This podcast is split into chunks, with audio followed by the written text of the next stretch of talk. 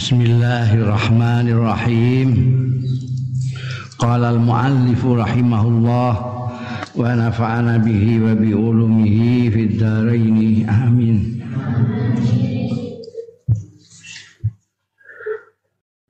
Wa abahal islamu at-tanafusa fil ilmi wal hibta fihi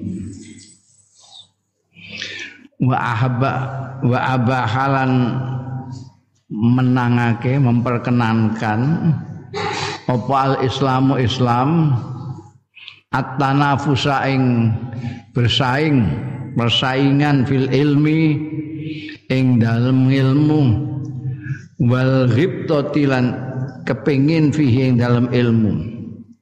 Sangat ingin mendambakan mengharapkan Wahya utai ghibtah sing dimaksudna kepengin itu piye maksudnya wahya utai ghibtah iku mahabbatu ma demen barang ladal akharin kang ana sandinge wong liya. Duna tamanni tanpa meng, mengharapkan zawalan nikmati anhum ing ilangi kenikmatan anhum saking akhirin biasanya buruk itu hibtah jadi ada orang punya sepeda terus kue kepengin duwe sepeda. Ana ana wong duwe apa mobil kepengin mobil. Ana wong anu duwe apa ae kowe kepengin ana sing jahat itu ana sing kepengin kaya larise warunge kancamu ben warunge kancamu iku bobor warungem laris kaya wae ndekne dewi. Iku sing ma'azawali nikmati anhum. Wong duwe kenikmatan terus iku jenenge hasud itu. Nah iki gak ngono. Hiptah itu kepingin tapi tidak ingin kenikmatan yang dimiliki orang lain itu hilang. Ya sudah hilang lah. Tapi aku kepingin kayak ini itu hiptah Nah itu ndak apa-apa kalau itu soal ilmu. Jadi kue wong duwe ilmu, wah iku ilmune kok hebat ngono ngerti iki ngerti iku. Oh, ya Allah. Wah aku mbok iya iso kaya ngono ya ngono. Iku hebat pengen nek perlu aku tak sinau sing nemen ben iso ngungkuli ndikne ngene iku tanafus itu abah Islam. Islam memperkenankan. Mergo jaa fi hadisin. Mustaqa fi hadisin dalam hadis muttafaqun alaih An Ibnu Mas'udin saking sahabat Ibnu Mas'ud radhiyallahu anhu. Kala ngendika sapa sahabat Abdullah bin Mas'ud. Kala dawuh sapa Rasulullah sallallahu alaihi wasallam. La hasada. Ora ana iri iri-irian apa mengiri kepada orang lain ini. La hasada orang iri iren illa fisnatain kejaba ing dalam dua hal. Ya itu aku tembung hasad. Jane sing persis hiptoh la hasad itu memang ada tujuan maknanya itu semua hasud itu tidak baik. Bala hasada illa fisnatain ing dalam dua hal. Apa saja itu? Satu, rajulun atahullahul malan. Rajulun wong lanang atahu kang maringi ing rajul sapa Allah Gusti Allah malan ing bondo. Fasallatahu mongko nguasani sapa rajul hu ing mal. Ala halakati ing atase enteke mal fil haqqi dalam kebenaran. Itu yang pertama. Meloro warajulun atahu maringi hu ing rajul sapa Allah Gusti Allah al hikmata. Ing hikmah ilmu bahwa mongko utawi rajul iku yakdi. Mutusi ya rajul biha kelawan hikmah wayu alimha lan mulangake sapa rajul ha ing hikmah.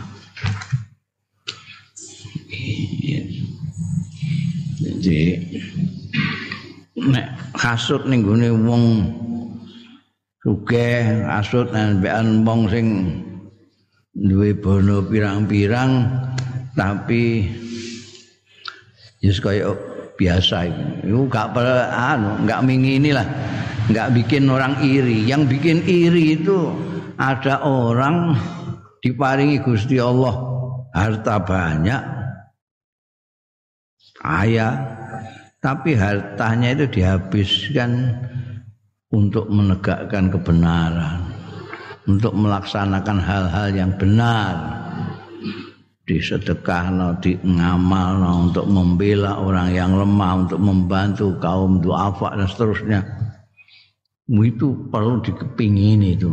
Wah, ah, aku nek sugih ngono kaya ndekne Allah. Muafike ngono duwe semono akeh. Blas ora ana sing dienggo foya-foya dhewe gak ono kabeh digunakan untuk fil haq dalam kebenaran. Ya, orang yang seperti ini yang pantas diireni. Yang kedua orang mempunyai ilmu dia melaksanakan apa-apa dengan ilmunya itu. Memutuskan apa ini dilakukan atau tidak dilakukan. Ini dijalani, tidak dijalani, dikerjakan, tidak dikerjakan berdasarkan ilmu yang dimiliki itu. Di samping itu ilmunya diajarkan kepada orang lain. Nah, orang yang begini ini yang pantas di ireni Wong kok ngono duwe ilmu, ilmune manfaate kaya ngono, dene dhewe nglakoni isih diulangno karo wong. Mau iku aku nek ngalim kaya ndekne pengen aku ngono iku. Tak ngamalno ilmune tak wulangno. Ya, dua dua lagi. Satu dikasih harta dan diperuntukkan untuk hak, satu dikasih ilmu ambek Gusti Allah dibuat beramal berdasarkan ilmu itu dan ilmu itu diajarkan. Tegese hati siki ae lahib tota. Ora ana kepengin meri ila fi khoslatain kejaba ing dalam perkara loro fakot bloko. Liyane gak. Rajulun atahullahu malan yaiku wong lanang sing maringi ing rajul sapa Allah Gusti Allah. Malan ing bondo fa amfaqahu mongko nafaqahna ya rajul hu ing mal fi wujuhil qurab ing dalem arah-arah segi-segi marek-marek Gusti Allah. Wa a'malil birri lan ngamal-ngamal sing bagus. Napa kok napakahno bandane untuk mendekati Allah itu ya disedekahno, dijariahno, diwakafno, dinggo bantu dua apa, dinggo nyumbang yatim sak piturute itulah. wa rajulun lan wong lanang manahullah sing nganugrahi ing rajul sapa Allah Gusti Allah al hikmata ing hikmah hikmah itu apa wa hiya utai hikmah iku al ilmun nafi ilmu yang manfaat. Mergo ana ilmu sing manfaat ora disebut hikmah. Kaya apa ilmu sing gak manfaat? Ilmu sihir ilmu perdukunan barang ngono iku ya. Ilmu ilmu manfaat yo wakeh sing kaya mbok pelajari itu ilmu munafik itu ana wong diparingi Gusti Allah ilmu munafik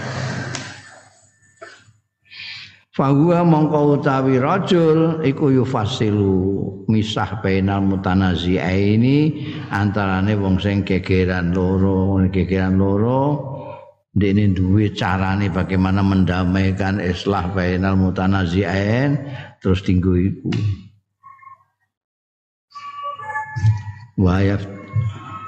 wayaf wayufti lan memberi fatwa ya rajul mergo ini duwe ilmu nafek ilmu ini digunakan untuk berfatwa untuk ngandani memfatwai al mustaftini al mustaftin wong wong sing jaluk fatwa. Bimuji bidzalika kelawan sing majibake mengkono mengkono ilmu nafik jadi ilmu nafik menjawabnya begini itu yang dijawabkan kepada orang yang minta fatwa. Nah, ilmu nafi'e mengatakan tidak, ya yang tanya dibilang tidak boleh. Iki dasare Qur'ane disebut no, hadise disebut no karena dia ngerti Quran dan hadis itu. Wa huwa utawi mujibu zalika al ilmu sahih, ilmu sing sahih. Wa fi hadzalan ing dalem iki hadis hasun utawi anjuran wadihun sing cetha ala talabil ilmi ing atase nuntut ngilmu wal amali bil ilmi lan ngamalake kelawan ngilmu wa taklimi lan mulang annasa ada dua hal di sini ada dua hal yang sering kadang-kadang orang merancukan dua hal ini. Jadi ada ilmu yang manfaat, ada ilmu yang dimanfaatkan, ada ilmu yang diajarkan. Dua-duanya dianjurkan. Kalau kamu belajar hadis lalu isi dari hadis itu kamu amalkan. Ini namanya kamu mengamalkan ilmu. Tapi kalau kamu ajarkan kepada orang lain pengetahuanmu tentang hadis itu, itu namanya taklim, kamu mengajar. Jadi akan berbeda nanti ketika misalnya ilmu hadis, ilmu tafsir barang kan gampang itu, cetok itu. Loh bedanya memanfaatkan ilmu dengan nasrul ilmi memula apa? Mengajarkan ilmu. Tapi yang kadang-kadang orang rancu itu kalau kamu belajar nahwu sorob mengamalkan nahwu sorob itu beda ya. Nah, cara kowe ngamalkan nahwu sorob itu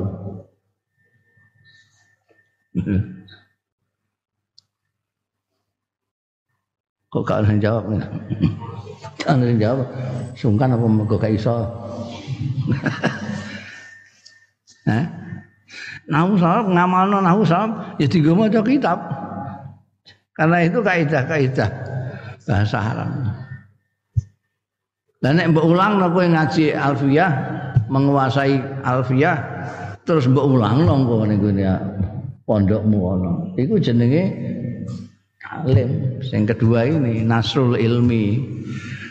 Nasrul ilmi. Nek ngamalno ilmu, ya ilmu itu ngamalno piye? Kowe belajar bahasa Indonesia, ngamalno ilmu ya tinggu geneman bahasa Indonesia. Tinggu nulis bahasa Indonesia, begitu. Bahasa Arab juga gitu. Nah, Arab kan sama saja gramatika. Nah, ya. Nek Quran itu cetha. Quran ndawuhno supaya akimi sholat kowe sholat ngamalno Quran. Tawanu alal birri wa taqwa kamu tolong menolong itu mengamalkan Al-Qur'an. Wasari'u ila maghfiratin kowe ndang kakenan njaluk ngapura Gusti Allah itu ngamalno Al-Qur'an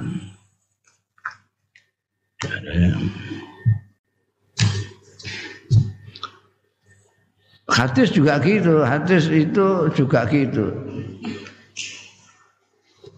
Kul khairan awiskut. Nah, kowe kageneman sing apik, nek ora meneng itu isinya dawuh hadis, kamu juga begitu. Kamu diam saja nek agak ada yang ingin kau katakan sesuatu yang bermanfaat yang baik ya diam saja. Itu kowe ngamalno hadis. Dan seterusnya.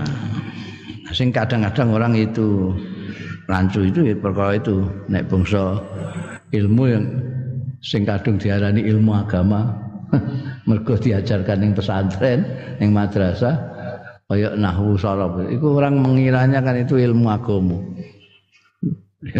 manfaatannya piye cek? Nahwu saraf memanfaatkannya ya dibuat nulis Arab dibuat membaca Arab dibuat bicara Arab. Gitu.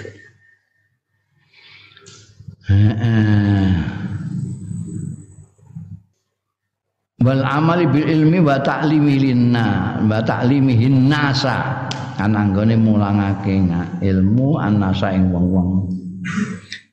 Wa hasdun lan nganjur anjuran ala tahsilil mal ing atase ngasilake bondo li infaki kanggo nginfakake bondo fi wujuhil khair ing dalem arah-arah kebaikan. Jadi oleh kowe kepengen sugih itu oleh. Tapi anggere kowe niatmu luke itu untuk kamu bisa menafkahkan fi wujuhil khair di dalam segi-segi kebaikan. Tapi kadang-kadang pengaruh kekuatannya bondo itu itu luar biasa. Kan dulu ada korun itu. Korun itu asalnya anak buahnya Nabi Musa itu. Anak buahnya, kok sekabatnya lah ngono. Minta didoakan Nabi Musa supaya kaya, supaya bisa untuk infak fi wujuhil khair. Saya doakan kaya, kalau saya kaya nanti saya bisa berbuat banyak untuk kepentingan orang banyak infak sana infak sini dongakno mergo niate apik didongakno karo Nabi Musa. Bareng sing dongakno Nabi eh? Dongakno Nabi. Wes ora terima sugih sugih mblegedhuk mblegedhuk sugih mblegedhuk wong kuncine lemari dhuwit iku wae digotong pirang-pirang apa jaran gak kuat. Kuncine tok terus lemarine pira kuncine semulake. Nganti ngantek saiki janji ana nemok apa-apa sing berharga muni harta karun. Ini hartane karun tekan dindi. Ketika diblesno mbekan Gusti Allah niki tanah itu sak bandane kececeran sak enggon-enggon. Ini nemok guci mas, wah harta karun. Artinya wae korun niku.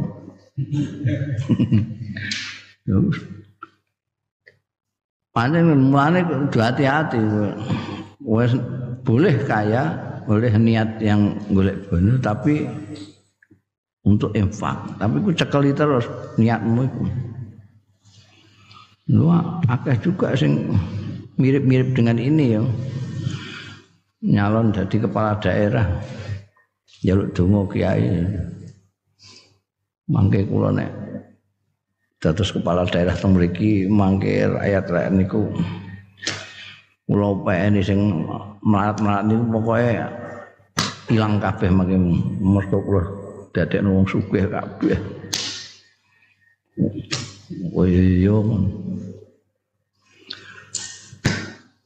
Bareng wis dadi tenang sing disugihno ya awake dhewe mbekan keluargane. Ora ngono. Jadi DNA-ne korun itu ngisor-ngisor tekan calon-calon ngono kuwi. Makanya aku nek dikondongakno aku mulai ndongakno presiden nanti anu muga-muga sampai nami ini kalau mau saya doanya begini. Mudah-mudahan kalau bermanfaat bagi diri sampean dan rakyat mudah-mudahan jadi. Kalau tidak mudah-mudahan tidak jadi. Mulai ndongakno lurah sampai presiden dong aku.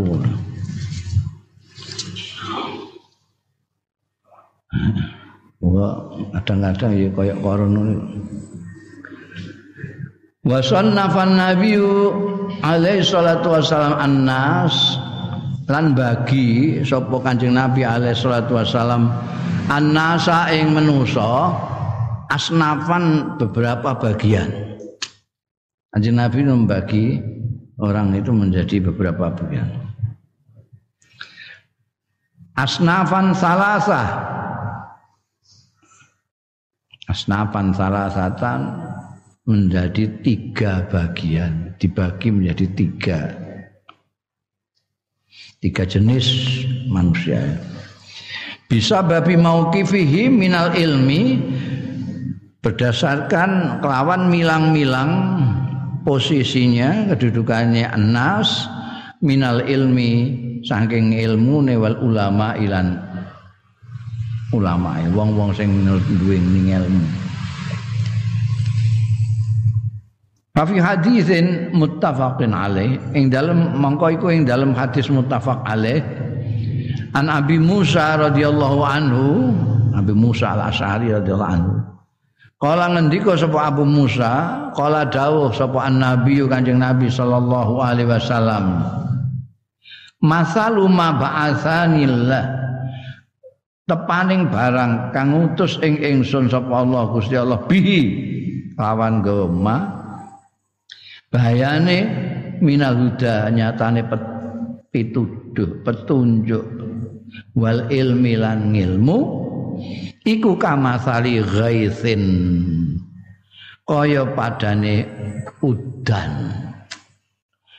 Asoba sing ngeneki ya ghais ardon ing tanah. Fakanat minha mongko ana minha saking ardon mau apa taifatun thayyibatun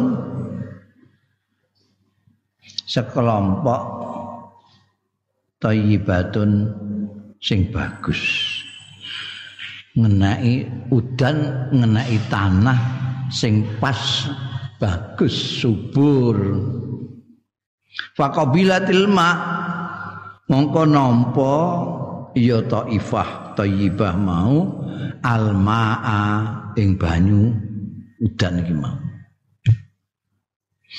Fa ambatat mongko nukulna ya taifah. Taifah itu sekelompok dari tanah itu loh. Tanah itu kelompok konsir sing oke. Okay. Wijuru-yuru kadya pengantin anyar Wa kana minha lan ana minha saking ardon Wa kana lan ana iku minha saking ardon apa aja dibu tanah-tanah gersang. Sing tidak bisa menyerap air. Amsakat ngeker dia menerik ngeker iyo ajadib alma ing banyu. Panafa Allah biya annas. Mongko manfaati memberikan manfaat sapa Allah. Biya sebab ajadib iku annasa ing manusa. Pasaribu mongko ngombe sapa nas minha saking sumber saka ajadib mau. Wasakau lan nyirami ya nas. Wazarau lan nandur-nandur ya nas yang ketiga wa asaba lan ngeneki apa ghais mau? Taifatan ing pepantan minda saking ard ukhra sing liya. Innama hiya ai pestine hiya ya taifah iku qai'an qai'an itu jamaah qa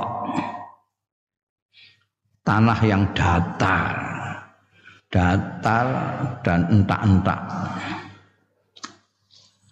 latam siku maan sing ora iso ngeker banyu kan karena datar. Entak-entak apa jenenge? Lu jadi air datang ini ora iso nyerap dia. Karena terus dia mau ndadekno licin tok ngono ae tanah ngono ada tanah itu yang seperti itu Latam sikumaan dia tidak bisa menyerap air. Wala tumbitu akalaan lan ora iso nukulake kalaan ing tetumbuhan.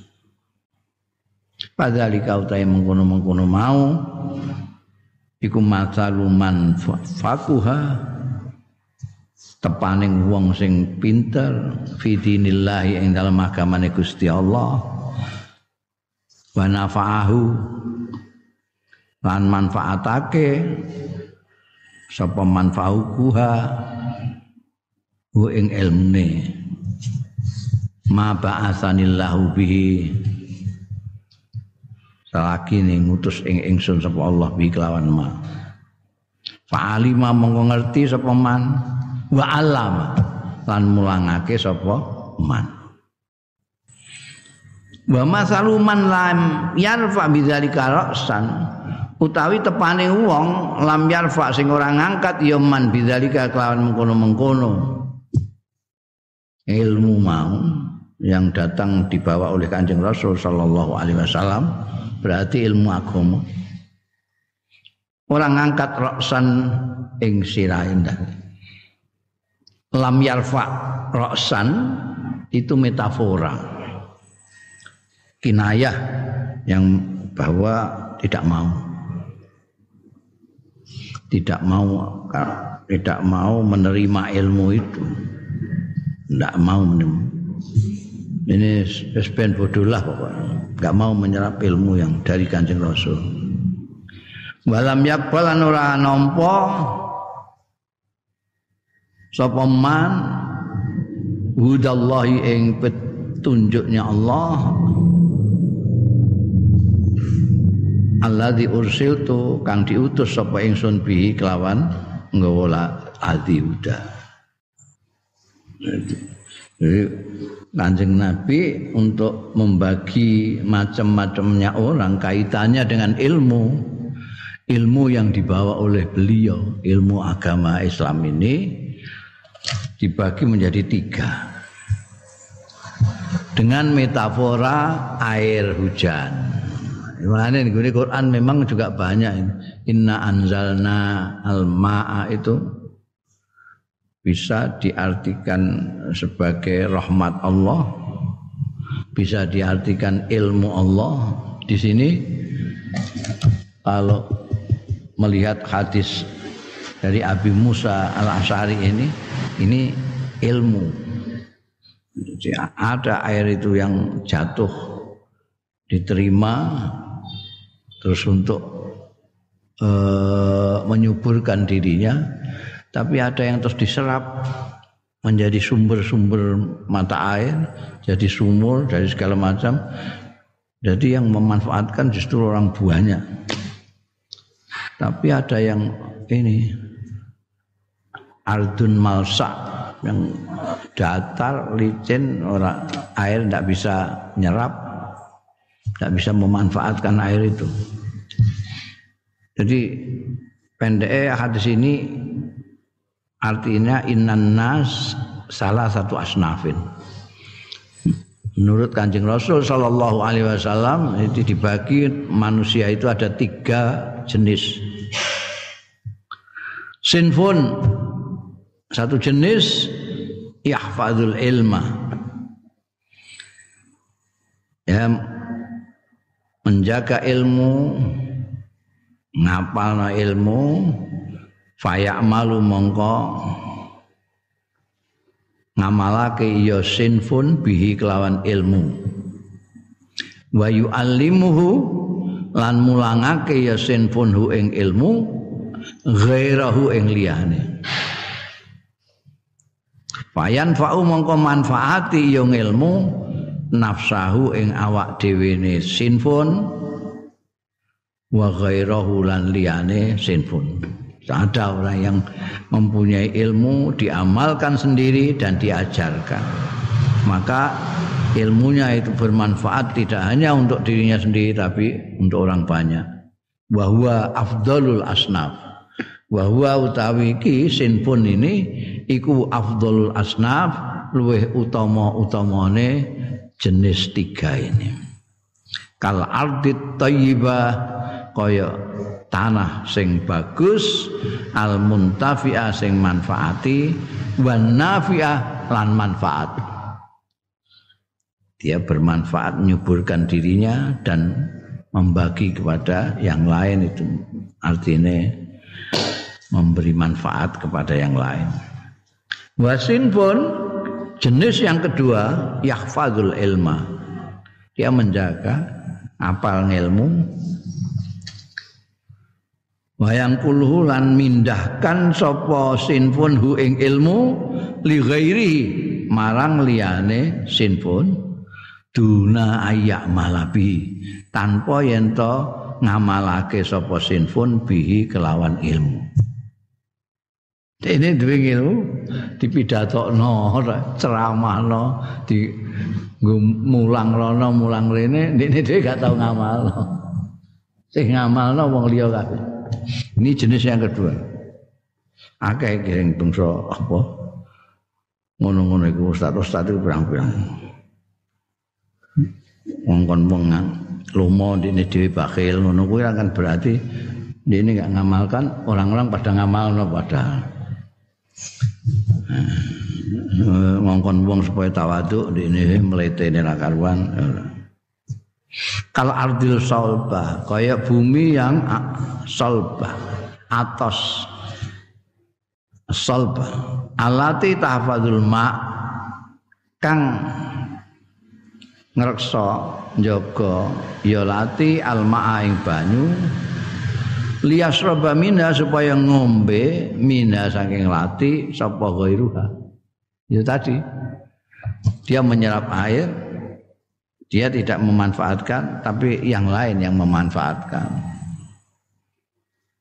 Jadi sumur, jadi sungai, segala macam itu. Ini untuk kepentingan yang lain. Dia sendiri tidak. Tanahnya sendiri ya tetap menunggu.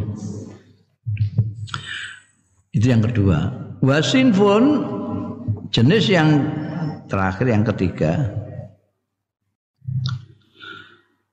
Iku yuridu anil ilmi, dia menolak mengo anil ilmi saking ilmu. Itu sing malsak tadi itu. Air ditolak sama sekali karena tanahnya keras, licin, tidak mau menerima air. Ini ibaratnya orang yang tidak mau menerima ilmu. Kenapa tidak mau menerima? Karena biasanya karena konsep ilmu itu yang salah dia pahami bahwa kalau wong duwe ilmu mesti sugih baksane ngono-ngono kuwi itu kan pengertian-pengertian persepsi baru itu itu yang membuat orang menentang ilmu itu sebagai reaksi dari pemikiran yang salah. Kowe nek gak duwe ilmu, nek goblok, kowe engko dadi wong melarat ngono Lha padahal kenyataan membuktikan banyak orang goblok juga. Wong sing pinter mblegeduk melarat ya akeh. Jadi salah konsep.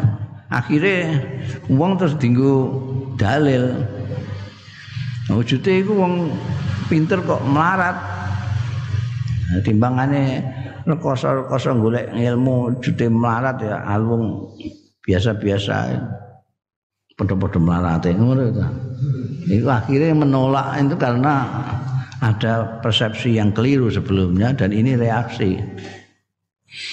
Anu masa iki kan golek ilmu itu ta, niatnya hanya golek penggawean, penggawean bentuk duit kan gitu.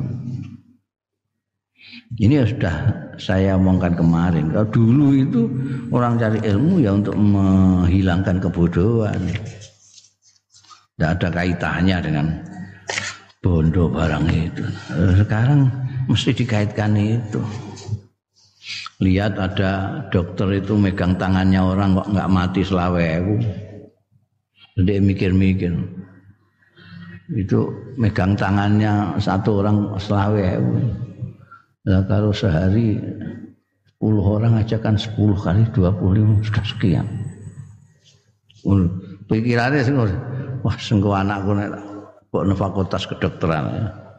Jadi dokter sedino nerima pasien rong puluh ngono ae, rong puluh ping selawe ewu. Wis iku? Kira-kira nek semene tahun wis BIP. SPP yang saya keluarkan itu sudah bondo. Oh. Jadi investasi orang kan. Mulane yang paling banyak apa nolak-nolak mahasiswa itu fakultas kedokteran. Fakultas kedokteran, fakultas teknik itu kan kelihatan duit itu ketika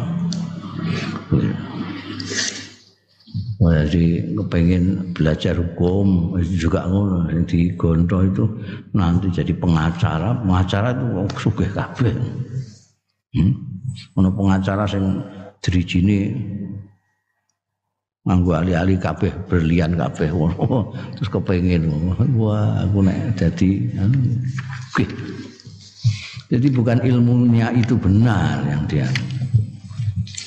Akhirnya terus ada yang menolak menolak ilmu. Ini bagiannya ketiga yang menolak ilmu.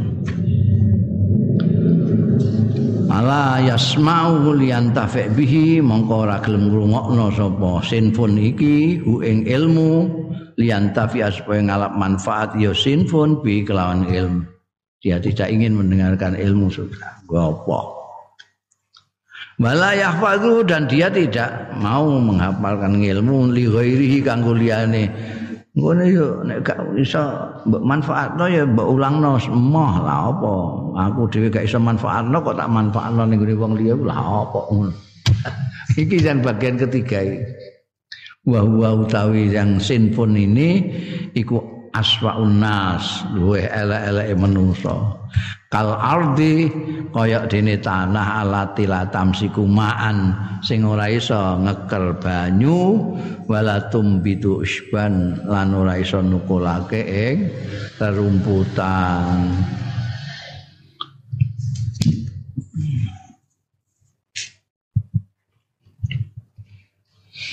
wal alimu utahe wong sing ngalim wong alim itu wong sing duweni ilmu dalam hal ini ilmu sing saka Rasulullah sallallahu alaihi wasallam. Karena ilmu itu bisa macam-macam. Jadi nek ulama itu makanya kalau menurut lugat secara bahasa itu pokoknya orang yang punya ilmu itu disebut minal ulama. Ilmu apa saja di dalam pengertian bahasa lugotan jadi Galileo Einstein huh? Habibi itu termasuk minal ulama lugotan nah istilahkan ya orang yang mengetahui ilmu yang dibawa oleh Rasulullah Sallallahu Alaihi Wasallam yang sering kita sebut sebagai ilmu agama itu. Gimana dengan ilmu itu kita bisa mendapat ridho dari Allah, kita bisa mengenal Allah, ya bisa itu itu Terus dalilnya innama yahsyallah min ibadihi al ulama itu. Ini yang, yang repot itu karena asal ulama itu jamaahnya alim. Ini alim imamun fid dakwah berarti memang yang dimaksud di sini adalah ilmu yang dari Rasulullah Sallallahu Alaihi Wasallam, ilmu agama Islam. Ya. Jamaknya alim ulama. Di kita dijadikan bahasa Indonesia kabeh. Terus dicampur alim ulama. Wahai para alim ulama yang para alim ulama sekalian alim ulama dari sisi. Dan yang membuat rancu karena orang tetap masih mengingat bahasa aslinya. Wong ini bahasa ini sudah dari bahasa Indonesia masih ngingat-ngingat bahasa aslinya. Itu yang bikin rancu. Terus ono wong tukaran gara-gara podo gak ngerti nih. Yang satu menyalahkan yang lain, demikian sebaliknya. Yang benar itu ya silaturahmi. Oh, itu salah. Silaturahmi itu kan menyambung peranaan itu. Yang benar silaturahim gue ker genjik. Otot-ototan nanti gulune meledos kabeh. Karena tidak pada tidak ngerti ini. Atau ngerti cuma sebagian. Yang satu ngerti bahasa Arabe silaturahim. Tapi dia tidak tahu bahasa Indonesia silaturahmi. Memang dulu diambil dari silaturahim, tapi sudah menjadi bahasa Indonesia menjadi silaturahmi. Sehingga kalau muni silaturahmi ya benar karena itu bahasa Indonesia. Ada di kamus besar bahasa Indonesia silaturahmi ya resmi. Kalau saya nulis pakai bahasa Indonesia ya silaturahmi. Kalau bahasa Arab saya silaturahim. Itu. Indonesia itu kan ngambil bahasanya orang ya sakar pendek nih om, wajan jikuk ngono wae, gak ono sing ngurus ya. Kan ngambil enak dhewe. Ngartekno kadang-kadang ya sak enake dhewe. Orang Indonesia itu. Wong jamaah itu sekaruan di mana-mana mbok takokno jamaah itu artinya wong akeh, wong jamaah. Sembayang jamaah artinya sembayang wong akeh. Lha Indonesia itu sama sitak tok kok. Jamaah haji dari mana? Waduh. Ngomong sih tak kok jamaah haji dari mana itu? Lah salah satu yang bikin kacau lagi ulama itu, alim ulama. Ulama itu bahasa Indonesia ngambil ya persis seperti dari sananya. Di sana ulama ya ulama alim ya alim, dijadikan siji alim ulama. Tapi kalau kamu delok nih gue kamus, nanti akan ada perbedaannya. Kalau kamu juga nih gue kamus besar bahasa Indonesia, ulama, entry ulama itu seorang ahli agama. Seorang. Jadi kalau ada orang pidato bahasa Indonesia, eh, para ulama yang terhormat itu tidak salah. Tapi nak itu mbok anggap bahasa Arab salah. Karena para itu ada tul jam'i. Ada tul jam'i masa dimasukkan ke jamak enggak Jadi mestinya para hadirin itu salah. Yang benar para hadir.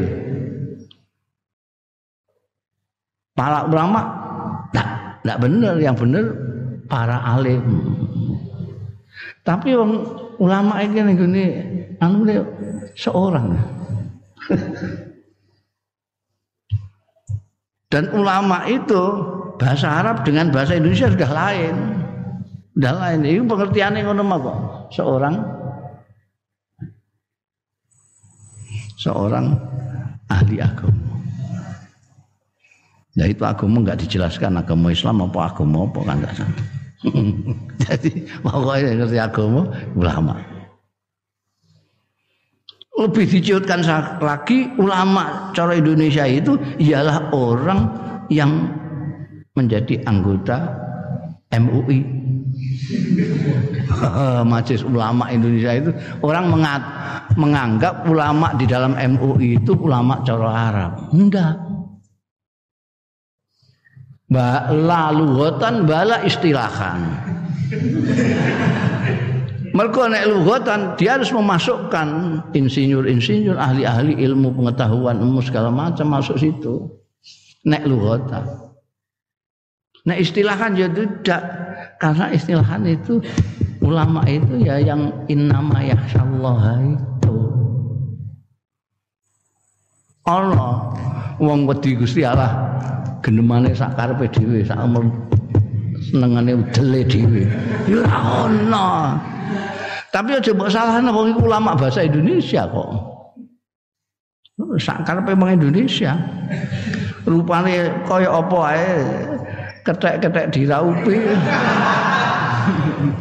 ya kita sebut ulama. Menurut kita sendiri sak karep-karepe. Wong orang Arab ora nuntut ae. wong ora wong Arab ora nuntut. Iku bahasaku kok Nggo sak karepmu dhewe. Ya ben wis suwe kok iki. Ya. Kowe nek delok terus ya ke salahmu dhewe. Nek kowe kok iku kok ono wong majlis ulama kok cangkeme ngono. Kok mulutnya kayak gitu. Itu kan mulutnya orang jalanan itu. Masa ulama mulutnya sembarang tinggal gitu. Ya salah kamu karena kamu nggak tahu bahwa ulama itu bukan ulama yang inama ya Allah min ibadil ulama itu. Salah kamu memahami ulamanya MUI kalau yang ini ya pada nabi ya cocok wal alim imamun fid dakwah. Wong sing disebut alim itu imamun pemimpin pelopor, orang yang terdepan, yang diikuti. Imam itu gitu. Fidakwati yang dalam dakwah ilallahi ta'ala. Dakwah itu orang kok mau ngomong.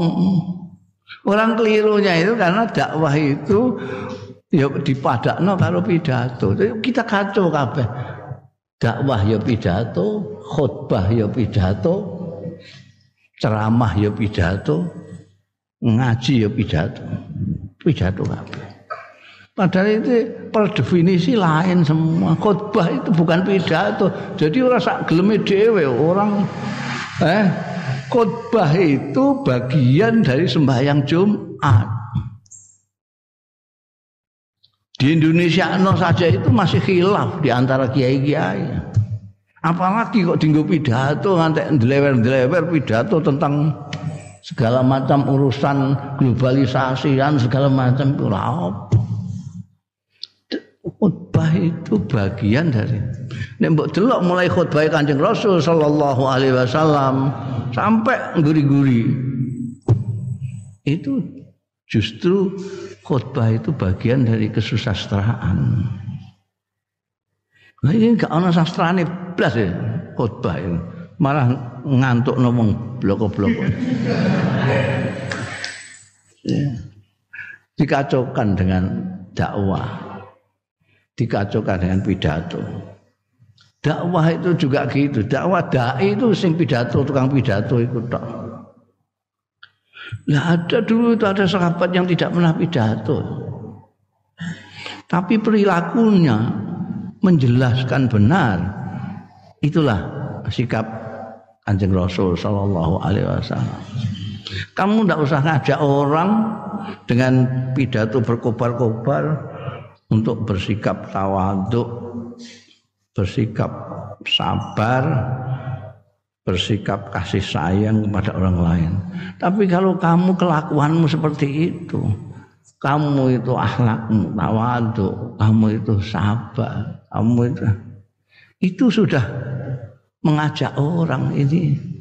Sebaliknya meskipun kamu gembor-gembor dalilmu mulumbuk murah ngantian nyiprat-nyiprat ini. Tapi kelakuanmu tidak seperti itu.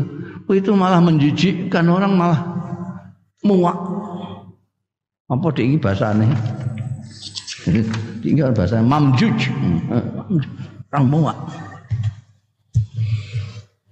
Nah, jadi pidato berkobar-kobar. Ngongkon wong rukun dia provokator. Menganjurkan supaya orang loman dermawan dia sendiri wakilnya setengah mati. Pidato gembar-gembor supaya orang itu tawaduk dia meleteni rakaruan itu Ih, zaman akhir tok ini ada dakwah kok membuat orang lari kan ya aneh. Dakwah itu ngajak. Dakwah itu ngajak. Jadi apa saja yang membuat membuat orang tertarik, terajak itu dakwah. Apakah itu perilaku, sikap atau omongan yang manis.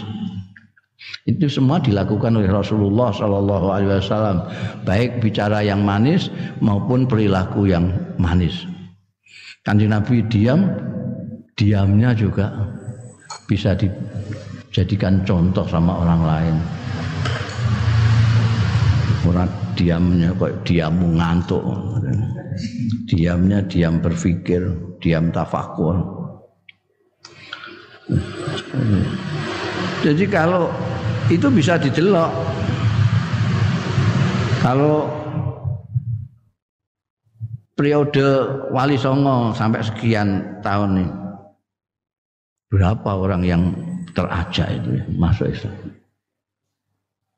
Hanya beberapa tahun itu sekian banyaknya. Dan sekarang ini orang melihat dai itu macam mana kok orang lain. Orangnya sendiri kadang-kadang piye ngene. Piye piye ngrungokno iku piye piye. Piye to? Iki piye? Iki dakwah apa ngusir wong? Dakwah apa ngusir wong?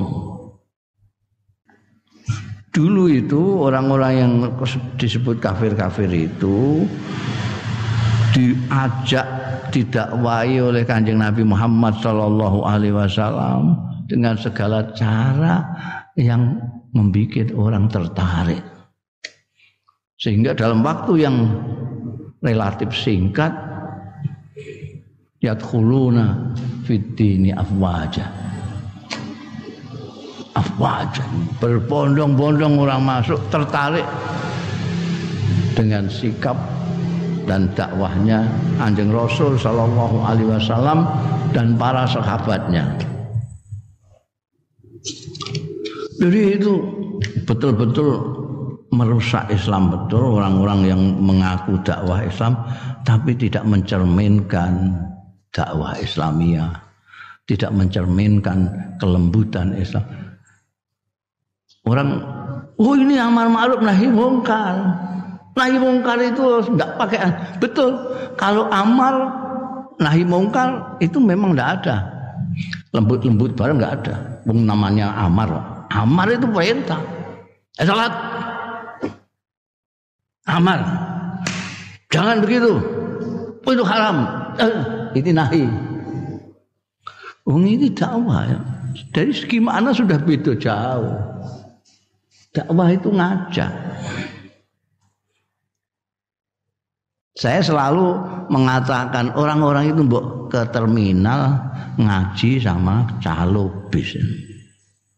Calo bis itu dai yang sebenarnya. Pengajak yang sebenarnya, dai itu pengajak. Pengajak yang sebenarnya itu ya contohnya ya calo bis itu.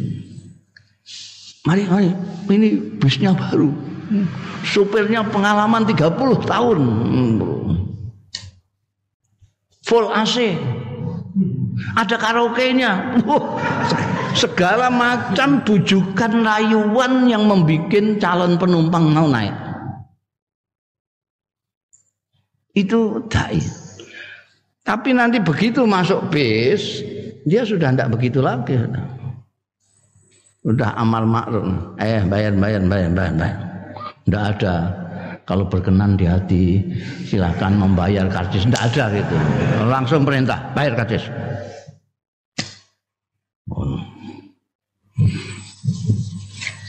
Jadi ana wong ngetokno sikute ning gone jendela jangan keluarkan anggota badan. Oh, perintah. Ora kok terus didakwahi. Itu ada panggonane dhewe-dhewe.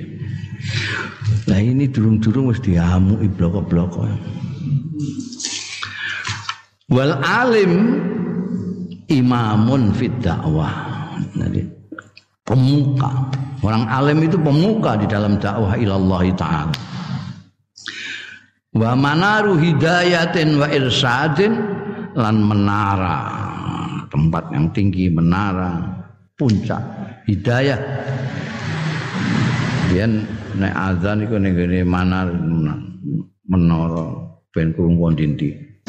Saiki wis nganggo speaker isih dosok ning ngene menara juga. Buanter ra karuan. Menara hidayah wa irsadin lan bimbingan. Fa idzan tasharal islamu ala yadayhi walau min rajulin wahid kana khairan lahu. No, ini yang harus wong-wong dai-dai sing ngawur iku supaya ngaji ning kene iki. Fa idzan tasara mongko lamun semebar apa al islamu islam ala yadaihi di bawah tangannya. Artinya karena dakwahnya itu lalu Islam berkembang seperti Wali Songo itu. Walau min rajulin senajan ada yang masuk cuma satu. Eh? walau min rajulin wahid kana khairan dulu Gus Dur potongannya kayak ngono banyak yang dikritik karena pergaulannya yang sembarangan itu. Yang dilupakan orang berapa orang yang masuk Islam gara-gara Gus Dur? Itu yang tidak pernah dikemukakan orang tidak pernah dicatat orang. Dan Gus Durnya tidak mau dicatat itu. Padahal satu saja itu karena khairan lahu mimma tolaat alaihi syamsu. Satu orang saja karena kamu dakwai bisa katut masuk Islam. Karena khairan lahu mimma tolaat tinimbangane meletek alaihi ing atase wong apa asyamsu srengenge itu menggambarkan betapa bagusnya, betapa mulianya Au min sarwati dunya kulliha utawa saking kekayaan dunia seluruhnya. Dunia seluruhnya kamu miliki dibandingkan kamu menjadikan satu orang saja mendapat hidayah itu lebih baik satu orang yang kamu kasih hidayah itu. Ini penting sekali mengajak dengan cara-cara yang membuat orang betul-betul ikut kamu. Lima krono hadis waroda kang tumeka yoma min hadisin muttafaqin alaih. Lima krono keterangan waroda kang tumeka yoma min hadisin muttafaqin alaih saking hadis sing muttafaq alaih an Sahl bin Sa'din radhiyallahu anhu saking sahabat Sa'ad bin Sahal bin Sa'ad radhiyallahu anhu. Anan Nabi ya setune Kanjeng Nabi sallallahu alaihi wasallam. Kala ngendika sapa Kanjeng Nabi sallallahu alaihi wasallam li aliin marang sahabat Ali radhiyallahu anhu. Sepupunya sendiri dan mantunya sendiri, Kaidina Ali. Seorang sahabat yang ngalim sekali. Ngendika ning Sayyidina Ali fa wallahi fa wallahi ya Ali fa wallahi demi Allah. La ayyahdiyallahu bika li ayyahdiyallahu bika.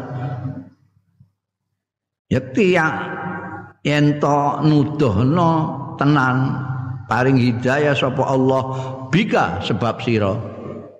Rajulan wahidan ing seorang wahidan siji khairun iku luweh bagus laka kanggo awakmu kanggo siramu min khumrin naam saking khumrin naam itu senengane wong Arab jadi satu lembah itu ada untanya semua, unta yang merah-merah itu. Jadi melihat lembah itu muabang karena penuh dengan unta itu.